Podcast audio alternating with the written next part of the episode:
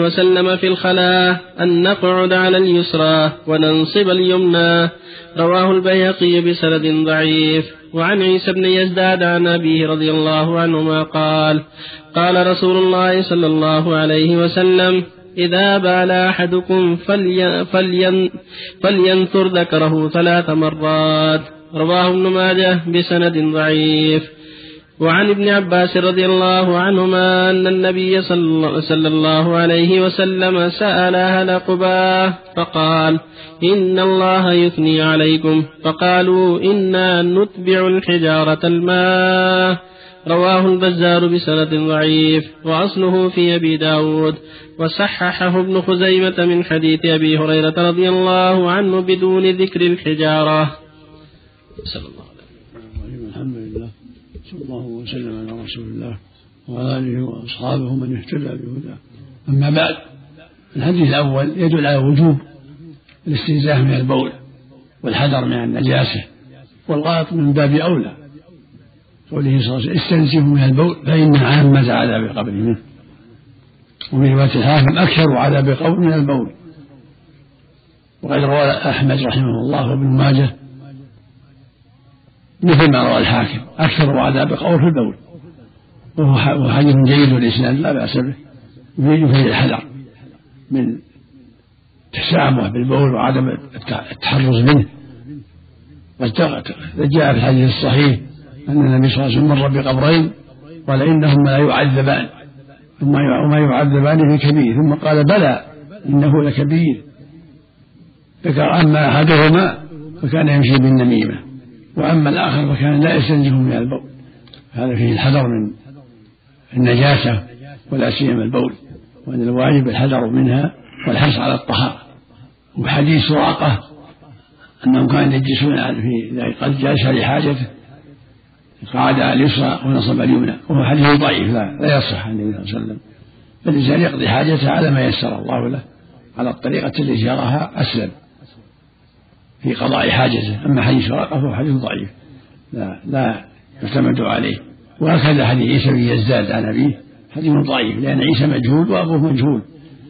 نكر الذكر يسبب السلس ويسبب كثرة البول وخروجه متكررة. فلا ينبغي نشره بل ينبغي ترك ذلك وعدم تحريكه لأن تحريكه يسبب سلس البول. وفي الحديث قصة أهل قباء دلالة على أن الأفضل إتباع الحجارة الماء وإن كان حديثا ضعيفا لكن يدل عليه فعل النبي صلى الله عليه وسلم. فإن كان صلى الله عليه وسلم يأتي الخلاء فإذا قضى حاجته استنجى بالماء. بعدما يقضي حاجته ويستجمر فالأفضل أن يستجمر باللبن أو غيره ثم يستنجي بالماء. هذا هو الأفضل يجمع بينهما. وإن اقتصر على الحجارة كما تقدم كفى. كما تقدم في حديث سلمان ما يستنجى بأقل من ثلاثة أحجار حديث عائشة إذا ذهب أحدهم إلى الغائط فليذهب معه ثلاثة أحجار فإنها تجزع عنه.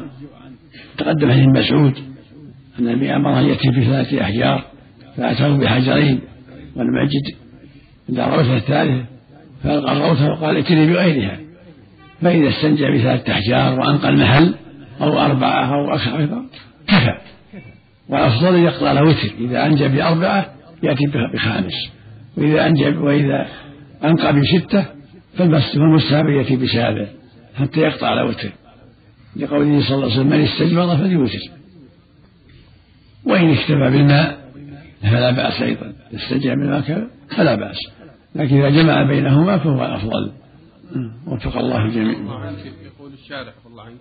الحديث حق عيسى بن يقول إلا أن معناه في الصحيحين في رواية صاحبي القبرين على رواية ابن عساكر. هذا هذا معنى أستنزه من البول وهو في معنى فليكتب هذا في حديث. معنى لا لا هذا في معنى حديث أستنزه من البول أحسن الله إليك أما فلينكر هذا ضعيف ومعناه مو صحيح أيضا يسبب السلس. أحسن الله إليك يا شيخ. هل عذاب القبر مستمر أو منقطع على عصاة المؤمنين؟ الله أعلم. أحسنت الله. نعم.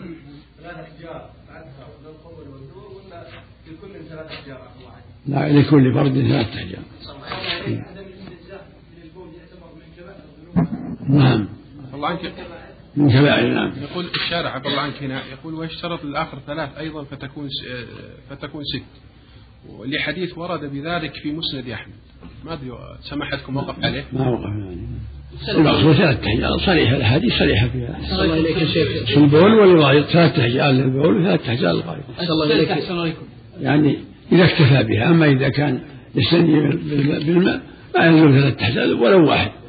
أحسن الله إليكم استنجى ولو بواحد إذا كان بيستنجي بالماء عنده على الماء.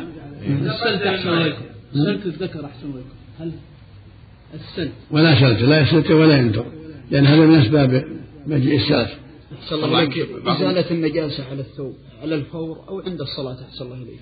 لا عند الصلاة لكن يخشى أن ينبغي أن يبادر حتى لا ينساها بعض النساء تسأل تقول إذا لم أتمكن من السفر قبل أذان العصر وإنما قد جمع وأنا قد جمعت الظهر مع العصر ودخل وقت العصر وأنا ما زلت في الرياض فما حكم صلاتي؟ تعيد صلاة العصر. هي مسافرة عفى الله عنك. إن كان إن كانها مسافرة فلا بأس. إن كانها مقيمة في بلدها وصلت قبل السفر تعيد الصلاة من عطس أربع مرات. من عطس أربع مرات. كل عطس يحمد الله. هل يشرع لمن سمع أن يشمته؟ إذا سمع يقول الحمد لله. نعم. ولو ع- ولو ميه طيب ثلاث مرات قالوا يجزاك الجنة انتهى